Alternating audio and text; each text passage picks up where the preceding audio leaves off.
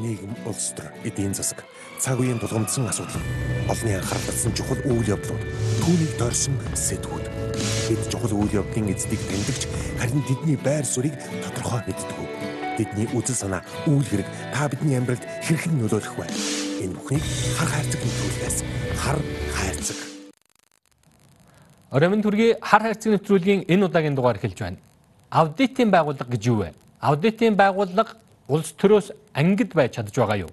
Өнгөрсөн хугацаанд томоохон төсөөлөлтрүүдээр хийгдсэн аудитын шалгалтаар ямар зөрчил дутагдлууд илэрсэн бол энэ сэдвийн хүрээнд хариулт авахаар Монгол улсын дөрөв дэх ерөнхий аудитор Хүрэл Баатартай ярилцах болно. Хар хайрцаг. За танд орой минь төргий. Баярлалаа. Өөрчилж бас орой минь төргий. За цаг зав гарган манай нэвтрүүлэгт оролцож байгаад их баярлалаа.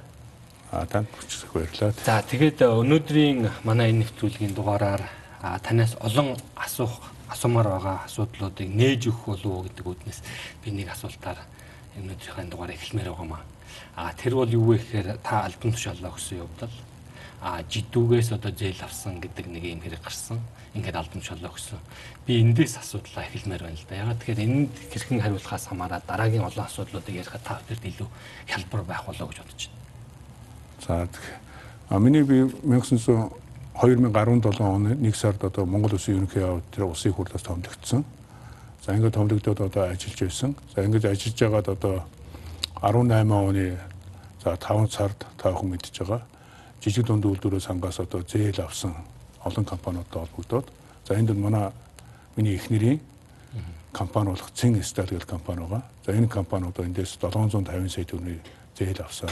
За энэтэй холбогдоод одоо төрийн өндөр албан тушаалтан одоо энэ одоо зээл авсан байна. Тийм учраас одоо та бол хариуцлага хүлээх ёстой гэсэн асуудлуудад яригдсан тухайд бол. Тэгээ энэтэй холбогдуулаад яасан гэхээр зэрэг уг нь бол энэ одоо ард түмэн мэдж байгаа баг. Монгол улсын үндсэн хөлөмж байж байгаа. Аливаа нэгэн одоо албан тушаалдан хэн нэгэн хүний ялгуурлан гадуурх болохгүй шүү дээ. Гэр бүлийн хүн тэр гэр бүлийнх нь хүнийх нь компани гэж байгаа компани амар нэгэн төрөөс мөнгө зээл авах болохгүй гэсэн байхгүй. Энэ бол өөрөө жижиг дүнд үйлдвэрийн сангаа зээл бол өөрөө нээлттэй тендер байсан байхгүй?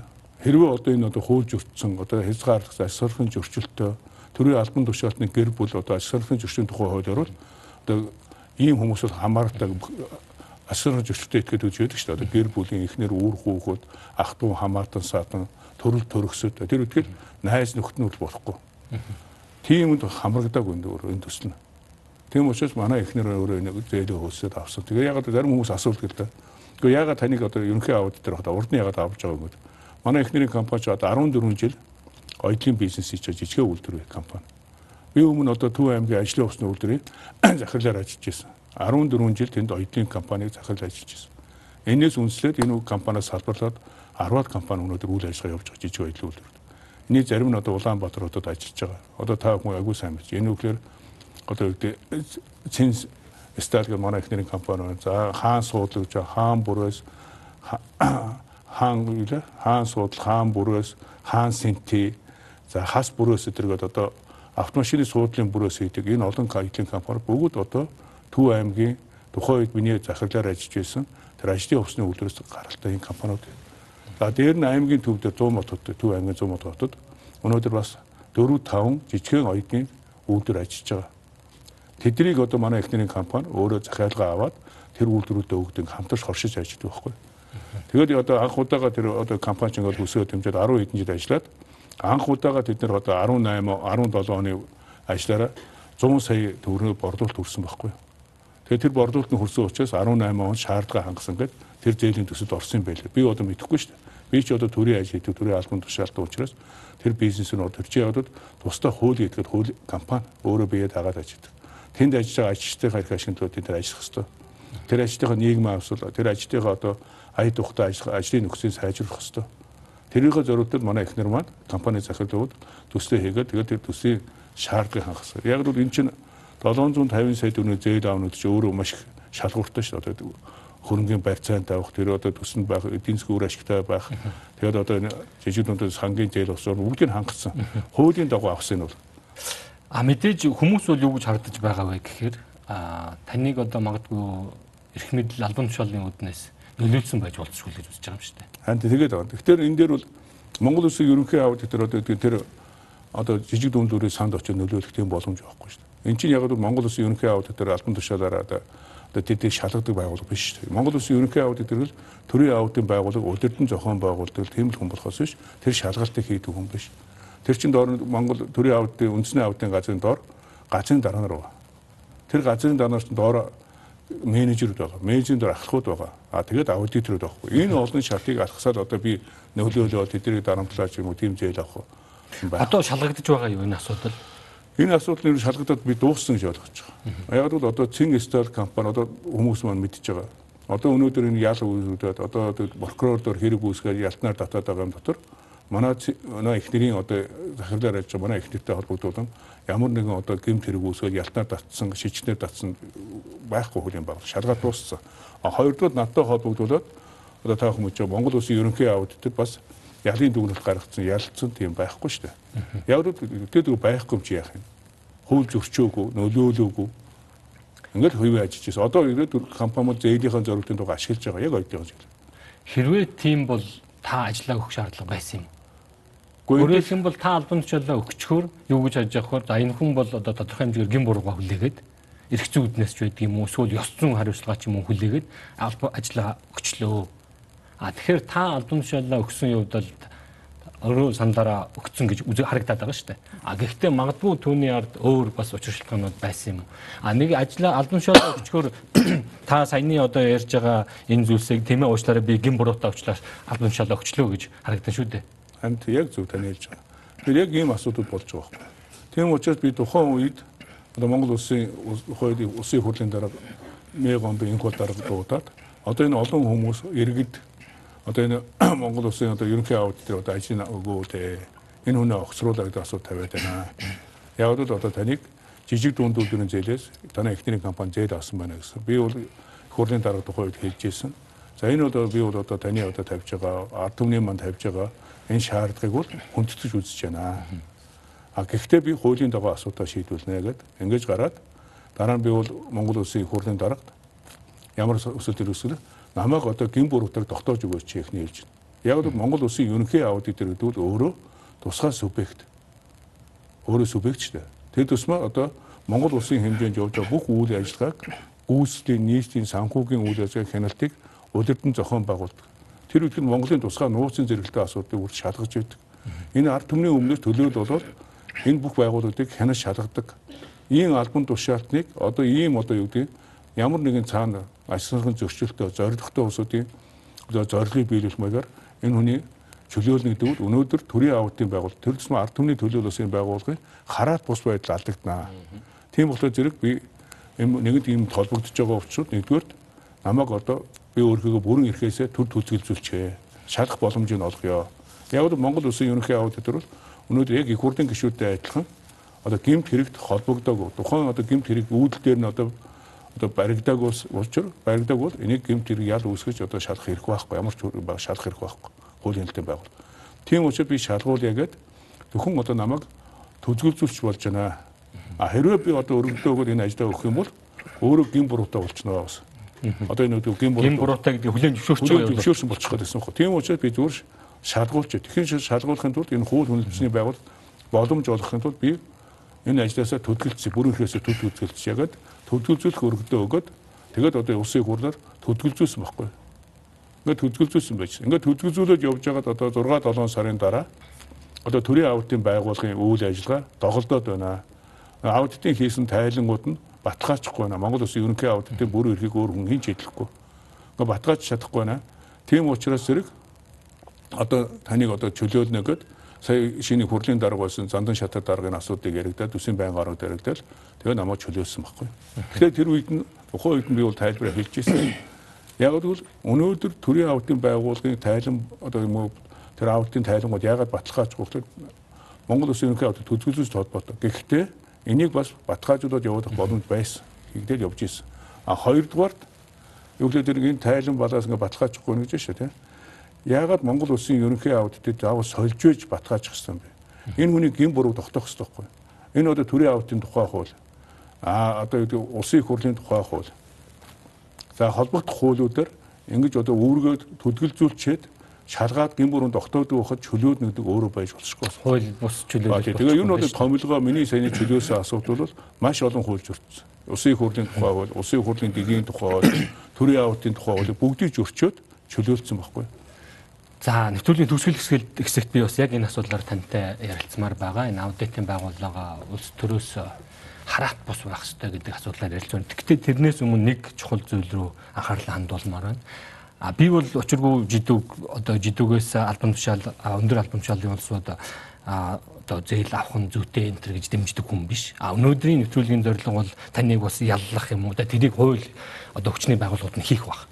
А гэхдээ миний одоо үгдийн сонирхоод байгаа зүйл бол юу вэ гэхээр улсын ерөнхий аудиторт өөр хэлэх зүйл байсныг нь хилүүлэхгүй тулд ажлыг өгүүлчихв. Хүчээр шахуу албан тушаалаас нь чөлөөлчихв гэдэг хардлага байгаа байхгүй. А тэгээд танд одоо тэр аудитор байх үедээ шалгаад ямар ямар ноцтой асуудлыг илрүүлсэн байгаа. За тэр дундаа нөгөө оюу толгойн асуудал, одоо байн гэрээний асуудлууд байгаа. А энэ дотор их олон зүйлийг илрээ гараад ирэхээр магадгүй одоо тэрэн дээр гол ажиллаж исэн хүнийг албан тушаалаас нь одоо юу гэдгийг төтгөлзүүлэх юм уу халах байдлаар энэ асуудлыг намжааж байгаа болов гэдэг л хардлага харагдаад байгаа байхгүй. А тийм учраас би танаас юу асуумаар байна вэ гэхээр хамгийн ихний одоо зүйл бол Дубан гэрээтэй холбоотой ямар ямар асуудлууд гарсан юм бэ? Яагаад одоо болтол улсын их хурл энэ Дубан гэрээтэй асуудлыг одоо их хурл хилцэхгүй байгаа юм бэ? Аудитын шалгалт Дубан гэрээ дээр хийгдсэн. Тэгсэн. Ямар ямар алдаа дутагдлууд ностой асуудлууд байгаа юм бэ гэдгийг танаас асуумаар байна л. За тэгэхээр энэ дээр бол би чинь 2017 онд Монгол Улсын ерөнхий аудиторын ажлыг аваад Монгол улсад өнөөдөр эдийн засгийн бол нэлээд олон асуудал байсан. Төсөв одоо дөрвөн төсөвтэй байсан. Одоо улсын дэгсэн төсөв за тэгэл Монгол банкнд хэрэгжижсэн үн тогтворчдын хөтөлбөрүүд тэгээд одоо хөгжлийн банк а дээр нь концессиуд гэдэг энэгээр маш их Монголын төсөв хөрөнгө үргүүд зардалгүй хяналтгүй явсан байхгүй явж ирсэн үед л. А дээрээс нь одоо аймагуд хүртэл аймгийн одоо иргэдийн хурал засаг даргаар концессийн гэрээ хийгээл одоо ингээд хяналтгүй явуулж ирсэн. Тэгээд дээрээс нь Монгол улсад одоо төрийн өмчлөлт компаниудаар хүртэл хяналт шалгалт байхгүй болсон. Тийм учраас энэ бүгдийг хянах шалгалтаа болох хэрэгтэй байна. Энэ төсвийн цоорхоо зохисох хэрэгтэй байна гэд энэ төрөнд миний одоо авсан усын хурлаа төсвийн байнгын ордоо сэдвүүд оруулсан. Энэ голцууд эдийн засаг энэ төсөв мөнгөний өргүү зардуудыг багасгахын төвчсөн сэдвүүд оруулсан. Энд дээр одоо Монголын одоо гол баядаг бол одоо алт багч тийм стратеги ордууд алт хөтөлбөр за энэ концессууд Монгол банк хөгжлийн банк за тэгээд одоо МИАТ одоо иргэний нисхийн ерөнхий газар ч гэдэг юм уу те Тэгээ одоо Улаанбаатарт хэрэгжижсэн сайн хашаа, сайн уул зур төсөл, одоо гудам төсөл. Энд гэр цэвэр агаарсан. Цэвэр агаарсан. Цэвэр агаарсан 400 тэрбум ш. Тэгээд одоо АСМ гэх чинь 400 тэрбум. Ийнийг хэмжээний зөвхөн хийхэд өршүүд гарсан байхгүй. А дээр нь оюут толгой ингээд орсон бид нар. Толгойг бид нар би батсан. Оюутлогын хөрөнгө оруулалтын гэрээ, дад дуурхайн бүтээн байгуулалтын гэрээ гэдэг ба энд нь аудит хийгээд усын хурлаас саналаа оруулаад ингээд усын хурлаа батуулаад ихэлсэн. Тухайн жил дөнгөж авсан хотод төсөн батгцаас төсөв баахан байсан байхгүй. Мөнгө бараг байхгүйсэн. Тийм учраас яг л аудитын байгууллага намайг ажил авахд их сони үцтэй явж ирсэн. Үцсэн ч буруу үйл ажиллагаа яг л 12 сар ихэд төсөө батуучаад мөнгөө батуучаад 3 сард нь аудит хийх сэдвээ батууж ирсэн. Инглиш чинь хийх ажилдаа одоо зөрөөд байна шүү дээ. Зөрөөд байхгүй. Уг нь одоо Монгол улс чинь одоо хөтөлбөртөө суурилсан төсөвтэй байна гэж ярьдаг. Гэтэл өнөөдөр мөнгөндөө даруулсан ажилтай л байсан байхгүй энэ байгууллага. Тэгэхээр энэ байгууллагын хараат бус байдал ямар байсан? Өдөөсөө төрийн аудит гэдэг ард түмний хяналтын байгууллага байхгүй. Ард түмний өмнөөс төрийн бүх ажлууд хяналт тавьдаг. За ингээд хоёул ягаад убаа ярьж байгаа бид нар аудит энэ оюутлогын гэрээнд аудит хийхдээ бид нар энэ оюутлогоор өөрөө маш том стратеги ордог. Монголын ард түмний хідэн үеэрээ идэж уух. Монголын ард түмний өнөөдөр сайн сайхан амьдрах энэ нөөц энэ баялагын үр шимийг хүртэх боломж байгаа байхгүй. Гэтэл одоо бид бүгд ярьж байна болохгүй байна гэдэг бүгд мэдчихэж байна. Ямар тэр үтгэл бид нар өнөөдөр тэр баялгаа өгчөөд өрөнд ороо сууж идэг үр шимийг хүртэж чадахгүй. За яг хэдэн одоо залуучууд хэдэн хүнд ажилтаа болж байна. Энэ биш ээ. Энэ ажилтаа болох ёстой. Тэр өний дээр өшөө бидний баялагын баялгаа бид хөрөнгө мөнгөө бид нар баялагынхаа мөнгийг авах ёстой. Энэ шудраг юм явах ёстой байхгүй. Тийм учраас би аудит хийе гэсэн. Тэгээ аудит хийгээд ихээсээ эхлэхдээ бид нар эхлээд Дубан гэрээнд нь хий. Яг Дубан гэрээ өөрөө ажил санхын зөрчтэй маш эрсдэлээс бид нар аудит хийх төлөвлөлтөй ажил явуулдаг, судалгаа явуулдаг урдсан. Нэг аудитыг Дубан гэрээнд нь хөрөнгө оруулалтын далд ухаан болдог юунд нь хийчихээ. А дараагаар нь тэр үндсэн одоо гэрээ болох оюутлогын хөрөнгө оруулалтын гэрээ далд ухаан бүтээн байгуулалтанд нь аудит хий. Эхлээд аливаа ажлыг гэрээнд нь аудит хийж, гэрээ нь ямар зөв болж байгаа хууль энэ дагуу болж асуулахын зөрчилтэй үнийг үзчихээж дараагийн ажил орох хэрэгтэй байхгүй. Тиймээс гэрээнүүдээ хийж хоёр янзын гэрээ шүү дээ. Энийг хийж. А дараагаар нь бид нар тезүүдний хийсэн баггүй. Техник эдийн засгийн үндэслэл нь одоо үнэн зөв болж юу, олон улсын стандартын дагуу болж юу. Үнэхээр эдийн засаг нь үр ашигтай төсөл юм уу гэдгийг нэхлээд үзье. За ингээ үзчих юм бол энэ зөв юм бол тэгвэл энэ тезүүгийнхаа дагуу үйл ажиллагаа гэрээнийхээ дагуу үйл ажиллагаа нь яг зориултын дагуу үйл ажиллагаа үр ашигтай явагдаж байна уу? Тэр одоо гэдэг ээжрээ 1000 м вагонметр чи өрөмлөг хийсэн үү? Тэчнээ одоо даалдуурхаа байгаа шүү дээ. Маш том одоо газар ухаж байгаа шүү дээ. Тэрийг өнөхөр ухсан юм уу? Үнэн зөв ухсан юм уу? Одоо эсвэл одоо 1 тэрбум доллараар хийх ажлыг 2 тэрбум тэрбум долларын хотлоо яриад мөнгө аваад байгаа юм. Дунд нь шахааны бизнес яадаг тийм юм хийцэн юм уу? Энэ бүгдийг бид үзье гэж бодсон юм. Ингээд ихлүүлээд явъя гэдэг ингээд явж байгаа. Тэр дэрийг гарсны дараагаар энэ гэрээндээ одоо яриад байгаа өөрчлөлтийг оруулах асуудыг ярих хэрэгтэй байхгүй аудит юм. Энэ бүгдийг төрийн аудит хийгээд шатараас юм хийгээд ингээд төсвийн байнга ороод усын хурлаар хэлээд батлуулаад тэгээд эхний ээжийн жоохон мөнгөөр ингээд дубан гэрээндээ хийсэн. Дараагийн мөнгө нь бид нар 2 тэрбум гаруй төгрөг тавьсан. Одоо дараагийн одоо оюутлын гэрээ, үндсэн гэрээ. Тэгээд тэр одоо тезүүд нь аудит хийгээр. Энд чинь яг гэвэл 2 тэрбум гаруй төгрөс 2 сая доллар баг хэрэгтэй. Энэ хамгийн багадаа болоход хэрэгтэй байсан. Тэгээд одоо тухайн үед батлуулсан. Тэгээд төсвийн байнга ороо батлуулсан. Дараа нь одоо төсвийн байнгаараа нэг төсвийн төсөд биш тэн дээр оролцсон байхгүй. Тэгээд жилийн эцэг багтаа зэрэг төсөв батдаг шүү дээ.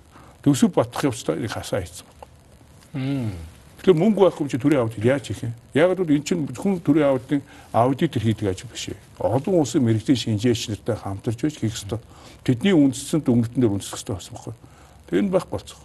Тэгэхээр бид нар яг байсан баг хэмжээний мөнгөөрөө Дубайн гэрээнд аудит хийсэн. Тэгэхээр Дубайн гэрээнд аудит хийхдээ би одоо удаа дараа хэлээд байгаа. Энэ усын хөрлөг энэ бодлого ус төрчин зүйл. Дубайн гэрээг бид нар хэсэгчлэн хүчинг болгоо гэсэн дүгнэлт гаргасан манай төрийн аудит энэ ажлын сүрт. Энэ бол нууцын хамаагүй зарим нууцын учраас нийт зарлж чадахгүй. Дотор янз бүрийн асуудал байна. Тэгэхээр энэ дэр бид нар үсэл хэсэгчлэн хүчинг болгосон. Энэ яг бол энэ Дубайн гэрээ дотор чинь 3 гэрээ дагалдаж явж хамт 3 гэрээ хэсэгт бүрдэж байгаа. Тэгэхээр энэ дэр чинь бүгдийн хүчин болоод зарим гэрээнүүд нь заалтууд нь өөрөө тэр одоо үндсэн гэрээ хөрөнгө оруулалтын гэрээ оёдлоо. А тэгээ бусад олон улсын гэрээ хэлцэл бусад юмтай нийцсэн гэрээнүүд байгаа хөөхгүй заалт. Тэрийг хүчингү болгочих юм бол бүгдний нийл хүчин болчиход тэр чинь заргалдах юм бол энэ хүчинтэй юм хүчингү болгочлаа гэд том утгаар нь аваад эн чинь олон улсын орбит унчих гээд байгаа хөөхгүй. Та яг ямар хэсгийн ямар шалтгаанаар хүчингү болгох ёстой гэдэг тийм одоо шалгалтаар нотлогдсон зүйл байгаа. Тэрийг одоо илэрхийлж болох уу? За нууцын зэрэглэлтэй бол одоо мэдээж бид нар ойлгож байна. Ер нь бол нууцын зэрэглэл ингээд байж байгаа. Одоо ингээд энэ бүгд байгаа. Бүх заалтаар ингээд бичсэн. Энэ гэрээний энэ заалт нь ийм үндслээр хүчингү болох хэвээр. Энэ гэрээний энэ заалт нь одоо олон улсын гэрээ хэлцэл оюутлага үндсэн гэрээтэй нийцж байгаа энийг одоо одоо энэ бол нийцж байна гэдэг ингээд дүгнэлт гарсан. Тэгээ одоо энэ дүгнэлт гараад зөвлөмжийн одоо ингээд улсын их хурл засгийн газарт ингээд хургуулсан байгаа юм. Ингээд зөвлөмж гаргаад ингээд хургуулсан. Энэ материал гэхдээ нарийн минут нууц уцаа бүгдийг би хийж чадахгүй харуулж байгаа. Ингээ унших юм их цаг орно л доо. Тийм л дээ. А энэ нь юунууд шаарддаг бол манай төрийн аудитын одоо вебсайт руу ороод үзэж байна. Нээлттэй. Ягаад гэвэл төрийн нууцд хамаарлаагүй материалууд бүгд нээлттэй байгаа. Эдгээр зарим нээлттэй байгаа шүү дээ. Та нээлттэй байгаа хэсгүүдээс нь манай үзэгчдэд тайлбарлаж өгөхгүй юу? Одоо ямар асуудал байгаа банк гэрээ одоо хэлж болох юм гэсэн үг шүү дээ. Би мэдээж одоо төрийн нууц таамаатай мэдээ. Гэхдээ ууш зүү нийт хугацаанд зүгээр. Гэхдээ яг зүгээр та өөрөө агуулгыг бас мэдчихэж магадгүй зүгээр нэг ганцны зүйлийг жишээ чухал гэснээр хамгийн ноцтой юм уу чухал нэг ийм зүйл байсан. Одоо олон нийтэд дэлгэж болохоос нь гэсэн үг шүү дээ. За энэ чинь нэр хүний нэр мэр холбогдсон юм учраас хамаагүй уншиж чадахгүй нэ. За энэ чинь оюутлогын талд уурхаан бүтээн байгаа санхүүжийн төлөвлөгөөний талаар гэж байгаа юм. За нэг Монгол Улсын засгийн газар За дад уурхай бүтээн байгаа санхүүжлийн төлгөө байгуулахад олон улсын хууль болон санхүүгийн зөвлөхийн гарч болцгүй эрсдийг тодорхой тайлбарлан улмаар хэрхэн шийдэж болох үндэслэл бүхий шийдийг тусгасан дүгнэлт зөвлөмжийг харгалзан үзээгүй байна гэж. Урд нь энэ чинь олон улсын экспертүүд ирээд дүгнэлт өгсөн байсан байхгүй. Энд чинь ийм эрсдэл биш. Энэ гэрээ чинь болохгүй шүү гэж хэлээд байгаад тэрийг авч хэлцэг байхгүй. Гэтэл тухайн хугацаанд хуулийн болон санхүүгийн зөвлөх үйлчлэгэнд улсын төсөөс 2.5 сая доллар төс. Ийм зөвлөх үйлчлэг авахд 2.5 сая доллар бид төлсөн байхгүй. Тэгсэн мөртөө тэр зөвлөх хэмжээнд авч хэлцээг байхгүй. Зөвлөмж. Зөвлөх. Гэх мэт ингээд айгүй бол асуудал байна. Таныг оюут толгойн ялангуяа Дубан гэрээтэй аудит хийсэн гэсгийг нь би ярьж байна л да. Холбоотой чухал мэдээлэл задруулах гээд байсан учраас ажлаас алдсан юм уу? Үгүй юу би нэг задруулахгүй шүү дээ. Болохгүй шүү дээ. А эсвэл одоо юу гэдгийг та тэр нэг далд уурхайн дараагийн ингээ шатны оюутлогод өнөхөд аудит хийя гэдэг энэ асуудлыг яриад байгаа шүү дээ тийм үү? Хийхгүй байгаа шүү дээ. Гэхдээ одоо мэдхгүй одоо хийхгүй байх одоо янз бүрийн шалтгаан байгаа мó? Ашиг сонирхлын зөрчил байгаа мó? За тэрийг одоо ууштай би бол одоо хийж мэдэхгүй. Ягаад тэр улсуудын цаана байна уу гэдэг мэдэхгүй. Ягаад энийг одоо хүний өмнөөс би хариулж чадахгүй шүү дээ. А ер нь төрийн аудитын сэдвээ батлуулсан. Одоо хийх аудитын сэдвээр. Тийм учраас энэ төлөвлөгөөний дагуу хийх ёстой. Хамгийн гол нь улсын хурлын мөнгөний тавьж өгөх ёстой байхгүй. Хоёрдугаар одоо энэ засгийн газрын хурлаа байгуулсан ажлын хэсэг ороод өгнөт гарахаас өмнө шалгалт хийхээс өмнө гэрээний ширээний ар суугаас өмнө энэ саний миний нэдэг энэ дараалал энэ үйл ажиллагааг зайлшгүй хийсэн байх хэрэгтэй байхгүй. Тэгжээч ширээний ар суухахгүй болохгүй. Юу н оюутлогын төсөд анх эхлэхдээ 10 жил болчихлоо шүү дээ анх ихдээ Монгол улсын наар доор хахад Монгол улсын төсвийн тухай хууль, төрийн авалтын тухай хууль зөрчиж байгаа. Улсын одоо төрийн өмчтэй оролцоод энэ компаниуд жил болгоны санхүүгийн тайлан болгоос шүү дээ. Тэрийг заавал аудитор баталгаажуулдаг байхгүй. Уусад бүх байгууллагууд тэгдэг. Төрийн өмч компаниуд үртгэдэг байхгүй. Гэтэл оюут толгойг хийхгүй байсан. Инээс болоод төрийн хяналт байхгүй. Бид нар 34-ийн эзэмшлэгтээ ямар ч хяналтгүй усаар өнөөдрийн том маргаа үүссэн байхгүй. За их баярлалаа нэвтрүүлгийн маань эхний хэсэг энэ төрөйд өндөрлөж байна. Нэвтрүүлгийнхаа дараагийн хэсэгт бид үргэлжлүүлэн бусад ямар ямар салбарт аудитын шалгалт хийсэн, ямар зөрчил дутагдал илэрсэн талаар та бүхэнд мэдээлэл хүргэх болно. За нэвтрүүлгийнхаа энэ хэсэг танаас үргэлжлүүлэн би бас нэг хэдэн зүйл дээр хариулт авмаар юм. Тэр юу гэхээр цэвэр агаарсан гэдэг нэг сан байсан маш их хэмжээний мөнгө орж гарсан. Гадаадын, дотоодын одоо. За тэгээд саяхан болтол үр дүнгээ бүрэн өгч чадахгүй байсан За олон нийтийн дунд бол янз бүрийн төвшөнд их хэмжээний хардлага бий болсон. Хамгийн харамсалтай зүйл нь бол юу гэхээр хичнээн одоо тэр бум төрөг зарцуулаад ноцтой үр дүн төрч чадахгүйгээр өдий хүрсэн. За би одоо энэ шахмал түүчний хэлүүлсэн энэ үеийг нь ярихгүй энэс өмнөхийг ярьж байгаа. За энэ дээр мэдээж одоо юу гэдгийг ажилсан кино чалгалтаа тавьж аудит хийсэн газар бол танай байгууллага байгаа. Таныг албан тушаал авахаас өмнө ч хийжсэн байх.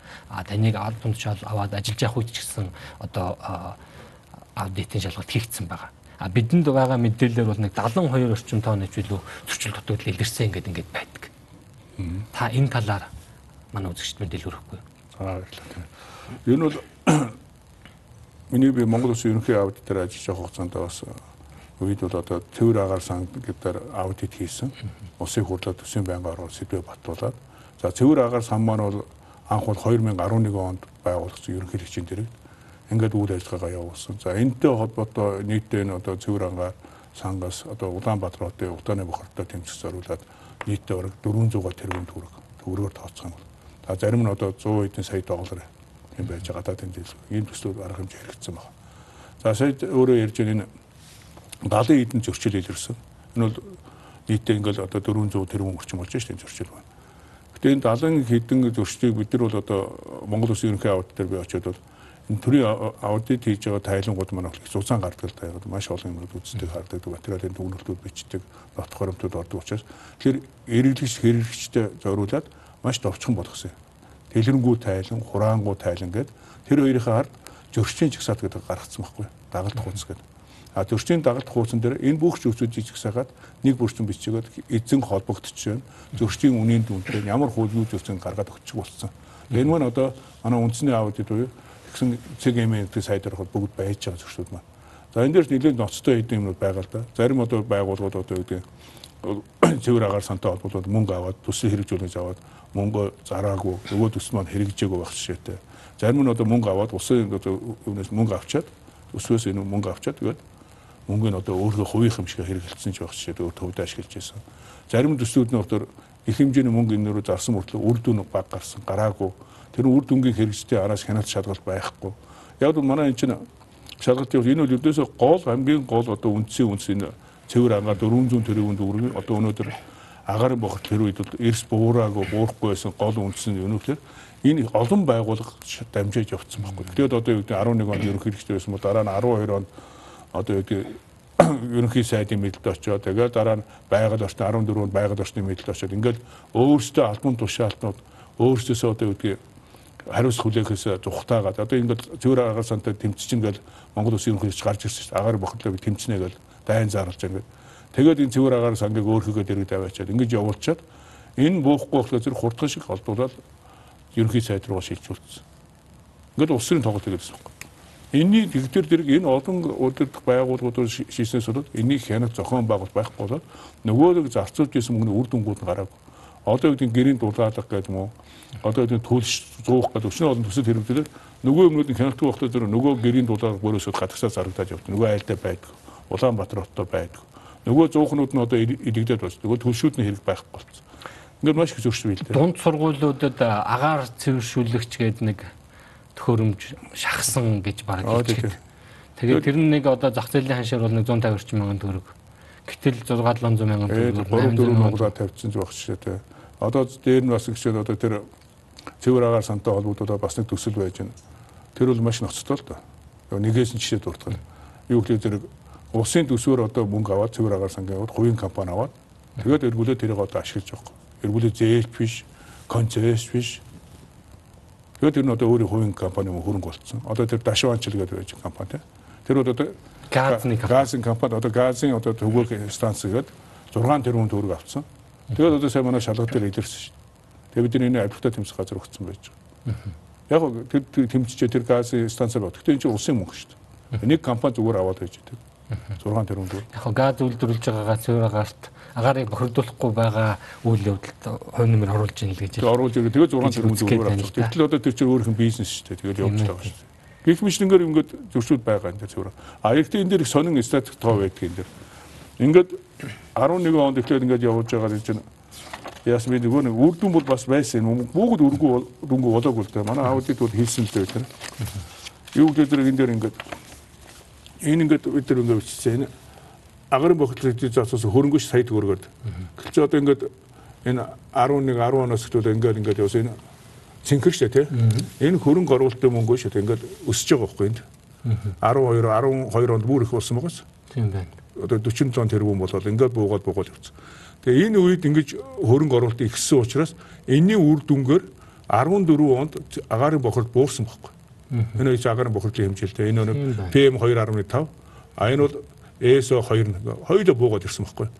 Тэгээд эргээд өссөн. Яагаад гэвэл энээс хойш энэ чинь ингээд бие биендээ дамжуулаад Ингээд эзэнгүүдээр хяналтгүй болсноос болоод энэ их хэмжээний хөрөнгө оруулалтууд өөрөө ашиглуулаад эргээд агарын бохирдол үүсээд. Энэ 14 онд бурдаг чинь ямар үйл ажиллагаа буулахад буухт нь гол нөлөөсөн байдаг юм бэ? Гэхдээ эдгээр чи одоо ингээд юу байгаа шүү. Энэ чи 6 7 төсөд хэрэгцсэн байхгүй. Одоо юу гэдэг нэг зуух, дулаалга, эрчим хүч тэгээ одоо машины утаа бууруулах төслүүд гэдэг. Таны тайлбар бол ерөөсөө улс төржүүлээд олон байгууллага болгож наашин шашин дамжуулаад байсан явдал бол өргүү зарлалт гаргаж тийм баг. Яг бодит үр дүнд хүрэхгүй байх нөхцөлийг бүрдүүлж байна. Бодит үр дүн хүрээд тэрийг нь бариад явуулах хэрэгтэй юм эзэнгүү хайцсан байхгүй. Тэгээ мөнгө хөвг тавиагүй байхгүй. Одоо энэ энэ төсөөд байгаа шин бол. Нөгөө шат тийм байгаа шин. Тийм байна. За энэ бидний мэддэг олон гэрийн дулаалга байж ингээд сайжруулсан зуух байж заглагын үнийн одоо хөнгөлтүүд энэ бүгдийн үр дүнд уурс 14 онд байдаг юм билээ. Бид энэ бүгдийг аваад аваад хийсэн. Гэхдээ энийг өргөжлүүлж яваагүй. Дахиад цаашаа хөрөнгө оруулалтаа өргөжлүүлж явах хэрэгтэй гэж зогсоодсон багасгсан учраас 16 ингээд тэр нь эргээд өсөөд 16-аас ихсэж байгаа. Та яг ингэж хэлэхээр бид нэр өнөөдөр бол энэ шахмат түлштэй болоод агарын бохирдол буурчлаа гэж ингээд ойлгоо явж байгаа. А гэтэл агарын бохирдол буурахгүй байсан гол шалтгаануудын нэг нь улс төрийн буюу тэр тогтолцооны асуудал байжээ гэдээ ингээд үзвэл А өнөөдрийн энэ агарын бохирдол буурч байгаа энэ үйл явдал магадгүй дараагийн сонгуулийн үед ч юм уу өргөжлүүлэхгүй болчвол буцаага гисчнэ гэсэн тийм санаа байна уу? Гоё юм тэгэж шүү дээ. Одоо альва юм чи ингээд цааш нь доктортой авч явах хэрэгтэй байхгүй үйл ажиллагаа. Энэ мөнгө өнөөдөр зарчаад маргааш нь болчихтой зэрэгчл энэ ажил чи өргөжлөхөө болчихтой. Одоо дараа сонгуулиор одоо шахмал төсөө үехгүй шахмал төсөө төлөхөө болчих юм бол дахиад нүүрсэдүүд дахиад анхаарал бохор. Тэгээ саяны одоо зарцуулсан юм чинь бас үр дүн багтаа байхгүй. Гэхдээ Энийг бас үр дүн байхгүй. 2 3 жил бүр ноцтой байдал хүрэх байсан юм чинь тэрний үр дүнд бага хэмжээнд байсан бас боломжийн хэмжээнд байсан байхгүй. Энээс бүр ноцтой байдал орох боломжтой байсан. Тэгэхээр энэ үр дүн 400 тэрбум бас үр ашиггүй биш ээ. Үр дүнгөө өгсөн. Аудит өгнөлтөө. А гэхдээ энэ дотор энийг одоо одоо гуй дагуудад одоо юу гэдэг хүзүү өгдөг шиг Энэ дотор ч одоо шахааны янз бүрийн бизнес хариуцлагагүй зөндөө байгаа. Энэ дотроос хариуцлага хүлээгээд эхэлсэн одоо зүйл байдаг юм. Одоо бидний олон нийтийн ажиглаад байгаа хүлээгээд байгаа хараад байгаа зүйл юу гэхээр апдейтийн байгууллага бол ингээд шалгалтаа хийчихжээ. Ийм ийм одоо нөхдүүдийг ийм ийм төслийг шалгах хэрэгтэй байна гэдэг ийм одоо дүн шинжилгээгээ өгчлөө. А танаа одоо гаргасан энэ материал дээр үндэслээд дараагийн шатны хариуцлага тооцох үйл ажиллагаанууд хийх ёстой доо. Хийх ёстой. Хэр хийгддэг юм бэ? За жишээ нь энэ цэвэр агаар сан дээр а жишээ нь агаарын бохирдол дээр. Тэгээ ер нь бол аудит хийгээд ингэдэж шүү дээ. Аудитыг одоо өөрөө чухал үзүүлэлт бай. Тэгэхэд бид аудитыг аливаа аудитыг сэдвээс нэгтүүд зөв сэдвээ сонгоод тэгээ аудитаа одоо чанартай хийгээд тэгээд илрүүлэлт нь сайн байгаа. Тэгээ илрүүлсэн зөвчлөлтөд арилгуулж явах хэрэгтэй. Тэгжээж үр дүн гардаг. Дахин давтагдахгүй байх хэрэгтэй байхгүй. Энэ зарчмаар бид аудит ажил. Тэр одоо энэ дээр чи одоо дахин давтагдахгүй бид нар одоо ингээд сэрэмжлүүлж байна. Энэ бүтцийн буруу байсан бай. Энэ одоо үр дүнтэй байсан гэдэг хэлээд асуулж байгаа бусад холбогд бүх байгууллагууд ярьж байгаа. А дээр нь одоо энд одоо мөнгө төгрөг идсэн уусан одоо тэр тийм зүрх гэмтэргийн шинжтэй бол хуулийн байгууллага шийдвүүлээд өгцөн. Одоо тэр одоо дашван чичиг тийм үү тэр одоо зарим мөнгнүүд өсөө одоо мөнгөний аваад үүсэд хэрэгжүүлэх газар бүгдийг нь өгцөн байгаа. Ингээд хуулийн байгууллага шалгаж байгаа. Энэ дэр мэдээж хуулийн байгууллага шалгах тодорхой хугацаа хэрэгтэй болоод өнөөдөр эдний үр дүнд гараагүй л явна л да. А тэгэхээр бол ерөнхийдөө ажим ажмаар одоо энд холбогдсон танай дээр шалгалтаар тогтоогдсон 72 зөрчил дутагдлал тодорхой хэмжээгээр хуулийн байгууллагаараа шалгагдаад улсад одоо тэр хохирол өчүүлсэн бол тэр энтрийг нь төлөвлөдөд ингээд тодорхой хугацааны туршид одоо үргэлжлэх үйл ажиллагаа юм байна шүү дээ. Тийм. Манайх энэ дээр төрийн аудитын хууль бол аудитын нэг стандарт гормоор бид нар өгсөн үүрэг даалгавар зөвлөмж энэ актуудаа биелдэг баян хянаж явдаг. Гараас анги нэгчийдэг хяналтанд байдаг. Тэгээ хяналтанд орцсон. А дээр нь бид нар яасан гэдэг би Монгол Улсын ерөнхий аудитор болоод төрөний дагалт хуудсан шүү тийм. Тэр дагалт хуудсан дээр тэр зөвшөөрөл гаргасан албан тушаалтыг бүр бичдэг болсон. Тэдэн оноос хэдэн онд ажиллаж байгаа албан тушаалтыг тийм регистрийн дугаартай гэж байна. Тэгвэл зарим овг нэгэнд хараад байдаг. Тэрийг бичиж тэмдэглүүлээд тэр зөрчдийнхаа жилийн эцэст нэгтгэж ягаад тухайн тухайн үеийнх нь байгууллагад явуулсан тайлантай. А нэгдсэн зөрчийн жагсаалтыг гаргаад жилийн эцэст одоо энэ томилгоо төрийн албан хаагчдын томилгоо дээр хийж боловсруулсан асууж гэдэг. Засгийн газрын хэрэглэх газар За төрийн албаны зөвлөл авилгатай тэмцэх газар өгчдөг байхгүй. Тэгэхээр зэрэг одоо ингээд янз бүр зөвшөөрөл гаргаад мөнгө төрөг шамшчихад яваад байдаг нөгөө нэг төрийн албан хаагчнаас ингээд яаж авшаад яваад байдаг хүмүүс төрийн албан дахиж орохгүй хариуц тооцдог тийм боломж тийм нөхцөл бид тавьчихсан. За энэ хэсэгт манай үзэгчдэд энэ аудитын байгууллагын одоо бүтэц чигүүргийн тухайнаа товчхон танилцуулж өгөхгүй юу? Ер нь мэдээж бид нар бол хэн шалгадаг гэдгийг нь ойлгож байгаа. Ихэнх хүмүүс энэ аудит гэх нэг санхүүгийн шалгалт хийдэг байгууллага юм шиг ойлгоод байдаг. Миний ойлгож байгаа бол энэс өргөн одоо чигүүрхтэй байгууллага байгаа. Тэгээ энэ бол Монгол Улсын төрийн аудитын байгууллагууд Монгол Улсын төрийн аудитын тухай хууль гэж байгаа. За энэ хуулийн хүрээнд үндсэндээ гол үндсэн гурван чигүүргийг хэрэгжүүлдэг. За нэгдүгürt нь одоо таны сайн хэлдэг санхүүгийн аудит. Энэ санхүүгийн аудит гэдэг төсвийн бүх байгууллага одоо 7000 гаруй байгууллага шүү одоо суманд ажиж цэцэрлэг сургууль, эмнэлэг тэгээд одоо төсвийн ерөнхийлөгч сайд дээр хүртэл энэ нийтдээ 7000 гаруй байгууллага. За 100 гаруй төрийн өмчт компани байна. За дээрээс нь Монгол улс хэрэгжиж байгаа гадаадын зээл тусны төслүүд байна. Энэ бүх үйл ажиллагаа эдгээр үйл ажиллагаанд жилийн эс гарч байгаа санхүүгийн тайлан болоос аудит хийдэг байхгүй. Аудит хийгээд энэ тайлан болоос нь олон улсын стандарт нэгтэн бодох бүртгэлийн дагуу хийгдэж үнэн зөв илэрхийлж үздэг. Ингээ баталгаажуултыг хийдэг. Энэ баталгаажуудыг хийсний үр дүнд Монгол улсын засгийн газрын нэгдсэн санхүүгийн тайлан болоос улсын хурлаар орж баталгааждаг. Ингэж явдаг үйл нэг санхүүг үйл ажиллагаа. За нөгөө нэг үйл ажиллагаа гүйцэтгэлийн аудит гэж байна.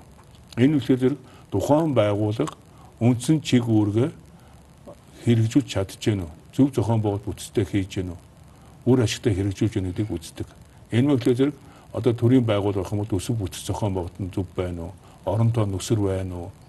Тэр барилгын байр ашигтай зөв хийж гэнэ үү? Нөгөө дотор нь ажиллаж албан хаагч нар одоо ажлын байрны тодорхойлт нь зөв зохистой байна уу? Энэ одоо хэрэгжүүлэх чигүүрийн дагуу бүс зохион байгуулалт хийж өгдөг үздэг. За компаниуд төрийн өмч компаниуд энэ аудит бүс аудит гэх юм бол нөгөө компаниуд маань одоо үндсэн чигүүргээ зөв зохистой үр ашигтай хэрэгжүүлж тэр технологи нь байна уу? Одоо тэр машин технологи зөв ашиглаж байна уу? За тендер худалдаа авах ажлаар хуулийн дагуу хэрэгжүүлдэг үздэг. Үүсэл аудитор. За нөгөөх нь болохоор гурав дахь нь болохоор зэрэг нийцлийн авд гэж байгаа. Нийцж гэнэ үү гэдэг үздэг. Энэ болохоор зэрэг Монгол улсын хууль тогтоом шийдвэрүүд хоорондоо нийцж гэнэ.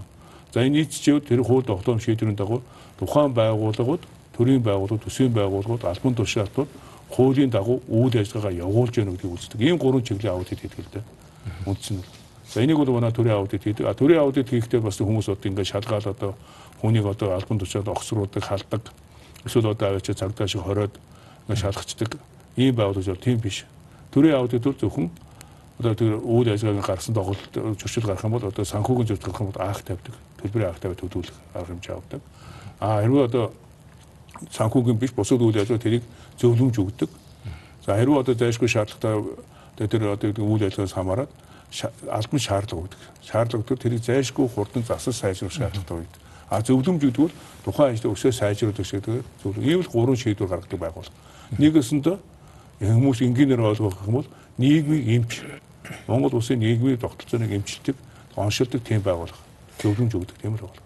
Аудитын газраас шалгалт хийгээд зөвлөмж өгсөн байхад зөвлөмжийн дагуу хариуцлага тооцдог юм уу? Эсвэл зөвлөмжийг хэрэгжүүлэх үйл явц хэр биелэгддэг юм бэ? Тэгэхээр энэ дээр бол э, төрийн албаны тухай хууль, за төрийн аудитын тухай хуулинд төрийн аудитаас өгсөн зөвлөмжийг хэрэгжүүлэхгүй, биелүүлэхгүй байгаа албан тушаалт нь тэрний дээдлийн албан тушаалтанд тэр хүнийг одоо биелүүлээгөө тохиол тэр хүнийг албан тушаасаас нь огцруулах халах үндслэл болдог. Энэ л одоо гал үндслэл байж байгаа. За хэрвээ хуулийн зөрчил гаргасан байх юм бол хууль хяналтын байгууллага нэг тухайн холбогдох хуулийнхаа дагуу л одоо эрүүгийн хэрэг үүсгэж шалгаад асуудлыг шийддэг шүү. Улс төрийн намуудыг ч гэсэн одоо хянах гэсэн үг шүү дээ. За улс төрийн намуудыг нэг ийм л юм. Улс төрийн намуудыг өнөөдөр хянах тийм байхгүй. Төрийн бус байгууллага. Энэ чинь яг төрийн аудит учраас төрийн байгууллагатай холбогдож явж байгаа үйл ажиллагаа төсөв хөрөнгө үйл ажиллагаатай. Гэтэ улс төрийн намууд ямар нөхцөөр холбогддог вэ зэрэг одоо сонгуулийн мөрийн хөтөлбөр шүү дээ. Одоо ерөнхийлөгчийн, улсын их хурлын тэгээ бүх шатны орон нутгийн сонгуулиудын энэ мөрийн хөтөлбөр төрийн аудит хийдэг. Аудит хийдэг, баталгаажуулдаг. Энийн үхлээ зэрэг төрийн аудитын тухай хуулиар тухайн сонгуулийн тухайлаар төрийн аудит энэ тухайн одоо мөрийн хөтөлбөр одоо Монгол улсын одоо холбогдох хуулиудад нийцэж байна уу? За Монгол улсын хөгжлийн зохиц бодлоготой нийцэж байна уу? За энэ амлаж байгаа энэ амлалтууд хэрэгжүүлэх байгаа хөтөлбөрүүд нь одоо зардал мөнгөний хувьд бол боломжтой үнэн зөв тусгагдчих гэдэг юм үздэг байхгүй. Санхүүжилтийн хянд юм уу? А санхүүжилтийн бас юм. А ихэд мөрийн хөтөлбөр дээр ирэн үйл ажиллагаан дээр зардын хянд. Та нэг тийм үгүй гэдэг товчхон хариулт өгчүүлэх амар байна. Монгол улсын аудитын байгууллага улс төрөөс хараат бус байж чадаж байгаа юу? За энэ төрийн аудитын байгууллагын хараат бус байдлыг 3 4 үзүүлэлт байдаг. Нэгдүгээр тэгэхээр үйл ажиллагааны хараат бус байна. Эрх зүйн хувьд хараат бус байна уу? За санхүүгийн хувьд хараат бус байна гэдгийг үзэх ёстой. Тэгээ өнөөдөр зарим манай төрийн аудитын тухай хууль, төсвийн тухай хуулиар бол ер нь харьцангуй бас хараат бус байдлыг анхаар орсон. Гэхдээ өнөөдөр энэ бол бас хараат бус байдал бүрэн байж чадахгүй гэж байна. За яг ямар шалтгаанаар хараат бус байна вэ гэдгийг та нэг тодорхой жишээ баримттайгаар тодорхой нөхцөлийг нь яриад хэлээд өгөхгүй.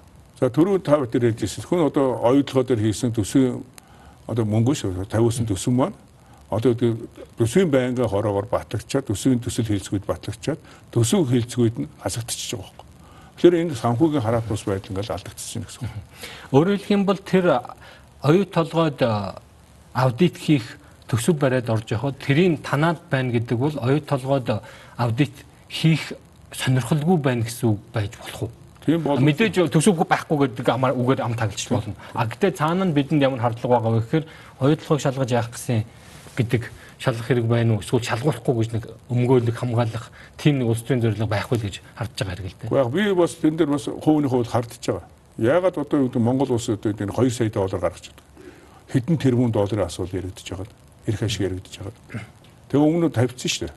Зөвшөөрөл тавьж байхсан. Тэгэхээр Монгол улсын төсвийн тухай хуулиар төрийн аудитын тухай төсвийн төсөд батлагдаад батлагдсан бол одоо засгийн газар орохгүйгээр шууд одоо нэгдсэн төсөд батлагдж явах хэрэгтэй Монгол улсаас батлагдах хэрэгтэй хуулиар.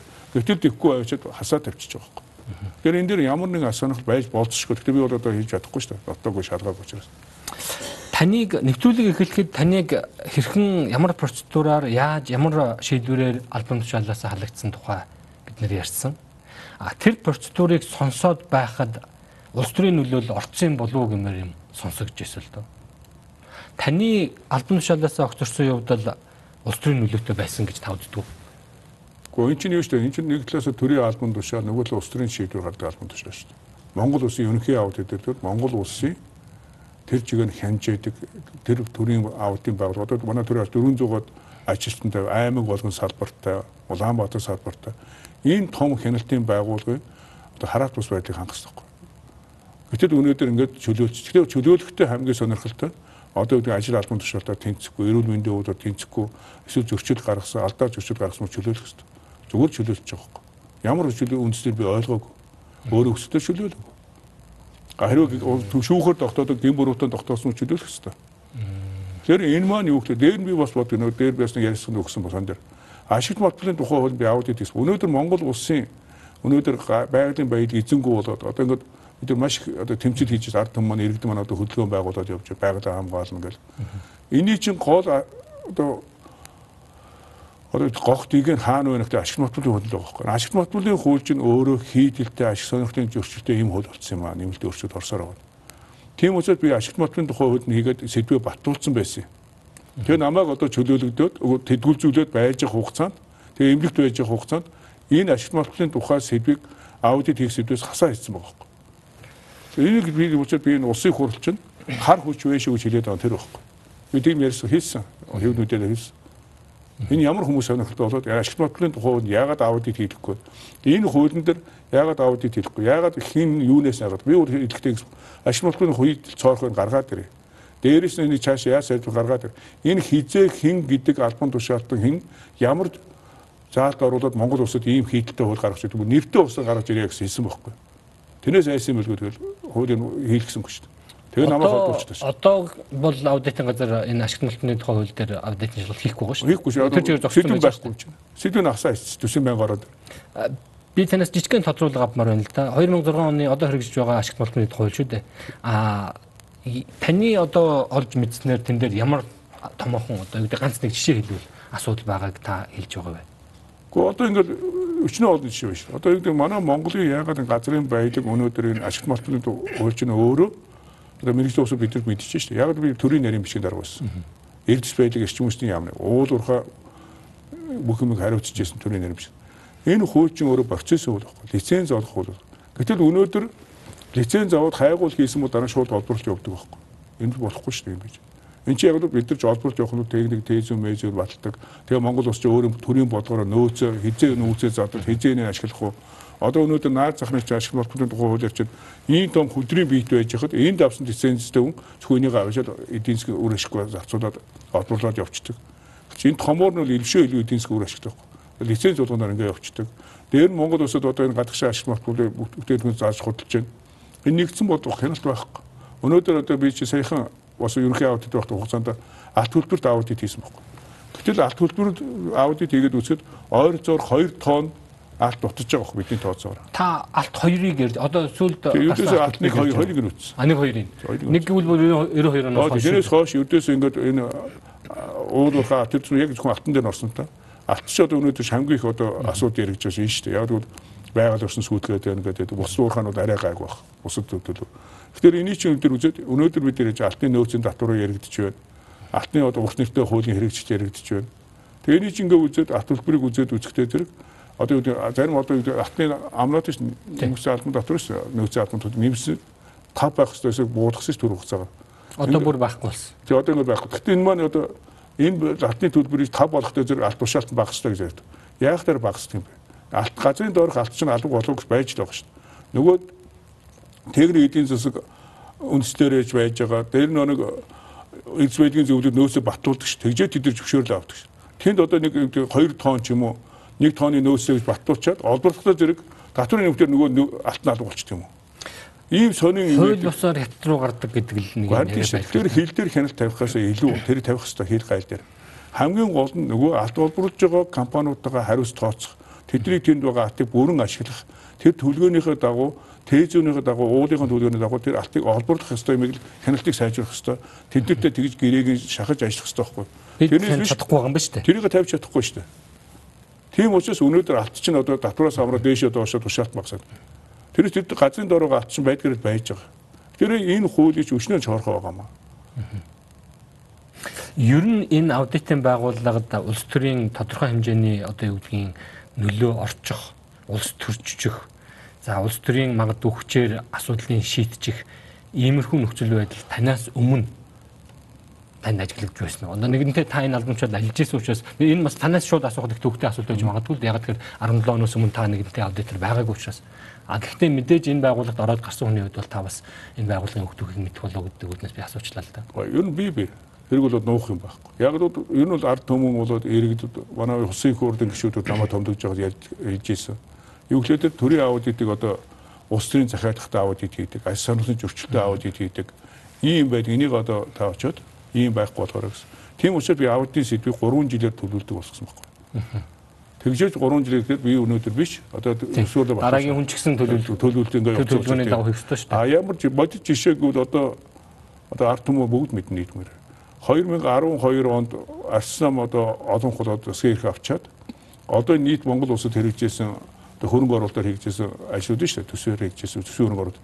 Энэ бүх ажлуудыг аудитын байгууллагаар шалгуулад тэгээ бүгдийг зогсооцсон дөрвөл гараад.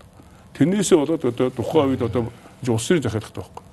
Монгол ардын намыг хэрэгжүүлж ирсэн нөгөө орон нутгууд хэрэгжүүлж ирсэн нөгөө төсвийн хөрөнгө оруулалт хийж барилга байшуудыг аудит дүгнэлт гаргуулаад зогсоочж байгаад тэгээд одоо тэрний үр дагавар өнөөдөр 40 гаруй объект энэсээ ихэнх нь тэр шийдвэрийн болоод өнөөдөр балах суулаад байж байгаа байхгүй.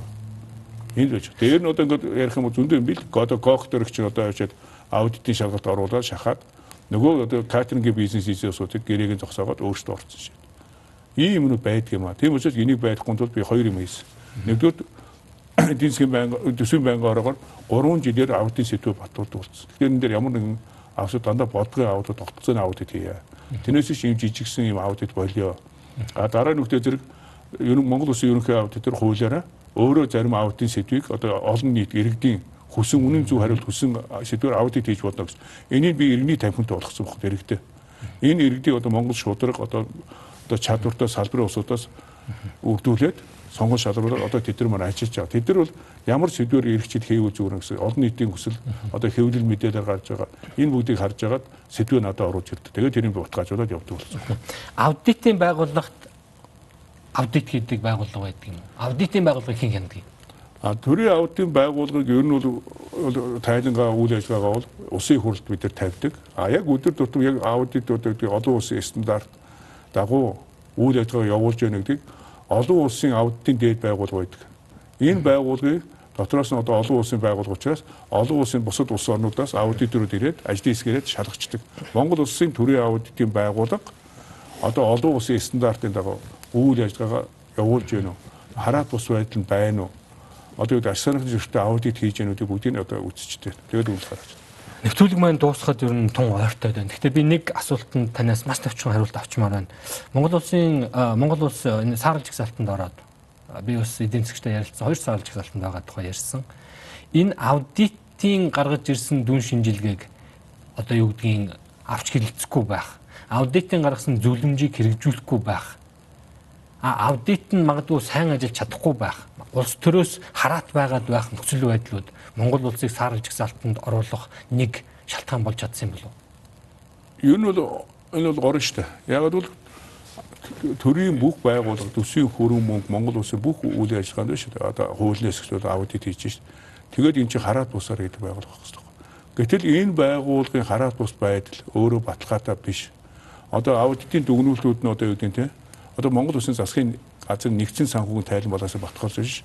Энийг одоо юу гэдэг одоо засгийн газрынхаа ч юм улс төрчдийн одоо сонирхлын дагуу буруу батгааж тоо баримтыг өөрсдөө батгаажуулах юм бол Монгол улсад гадаадын улсын улсын байгууллагууд гадаадын хөрөнгө оруулагчид итгэхгүй байхгүй. Энэ Монгол улсад яагаад итгэж орж ирж байна? Монгол улс руу хөрөнгө оруулдаг, Монгол улс руу гадаадын одоо улс орнууд харьцаж байна гэдэг чинь олон улсын стандартын дагуу хараат бусаар үйл ажиллагаагаа явуулдаг төрийн аудитын байгууллага, төрийн хэлтийн байгууллага байгаа учраас тэргээр батгаажсан хөрөнгө санхүү бүх үйл ажиллагаа батгааж байгаа учраас төвд итгэж байгаа. Ард түмөөч итгэдэг байхгүй. Тийм учраас энэ байгууллага аягүй чухал байгууллага. Монгол улсын энэ аудитын байгууллага хараат бус байж чадахгүй байгаа мэдээж олон шалтгаан байдаг байна а гол шалтгаан нь юу юм бэ? Таны мэдхээр бол бидний засаж залруулах цаашдаа одоо энэ байгууллагыг илүү улс төрөөс ангид байлгая л да. Инхийн тулд бид ямар хууль журмаа өөрчлөмөр байгаа. Эсвэл ямар одоо юу гэдгийг үйл ажиллагаа тогтцсон хэв маягийг өөрчлөмөр байгаа. За ер нь бол олон улсын аудитын дээд байгууллагууд э, холбооноос юу гэсэн тэгэхээр манай зөвлөмж өгсөн байдаг. Уриалга гаргасан. Лимагийн тунхаг гэдээ байж. Эндээс одоо олон улсын одоо улс орнуудын одоо хяналтын дээд байгууллага аудитын байгууллагууд үндсэн хуулиараа баталгаажсан байх хэрэгтэй гэдэг уриалсан баг баталгаажуулъя гэж. Тийм учраас саяны нэмэлт өөрчлөлтөнд одоо төрийн аудит би ерөнхий аудит байхдаа саналаа өгсөн байхгүй. Монгол улсын төрийн аудитын байгууллага үндсэн хуулиар баталгаажуулаач. Инкуд болохгүй. Яг гэвэл 90 онд ховшлол явуулахдаа төрийн хянах шалгаар байсан татан болгож аваад төрийн нийтийн өмчийг хяналтгүй хувьчилсан байхгүй. Тэргүүр хэн хоцсон? Мэдээлэлд орхон өндөр албан тушаалтнууд авсан байхгүй.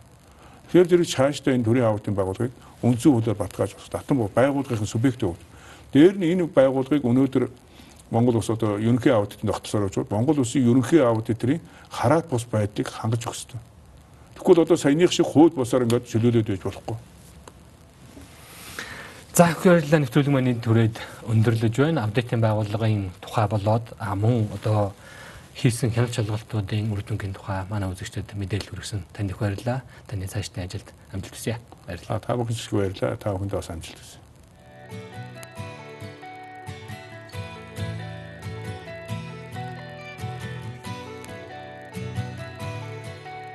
нийгэм, улс төр, эдийн засаг, цаг үеийн тулгамдсан асуудал, олонний анхаарал татсан чухал үйл явдлууд, түүнийг дорсон сэтгүүд. Бид чухал үйл явдлын эздийг тэмдэгч харин тэдний байр суурийг тодорхой мэддэг.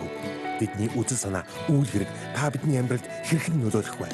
Энэ бүхнийг хар хайрцаг нөлөөлөхөөс хар хайрцаг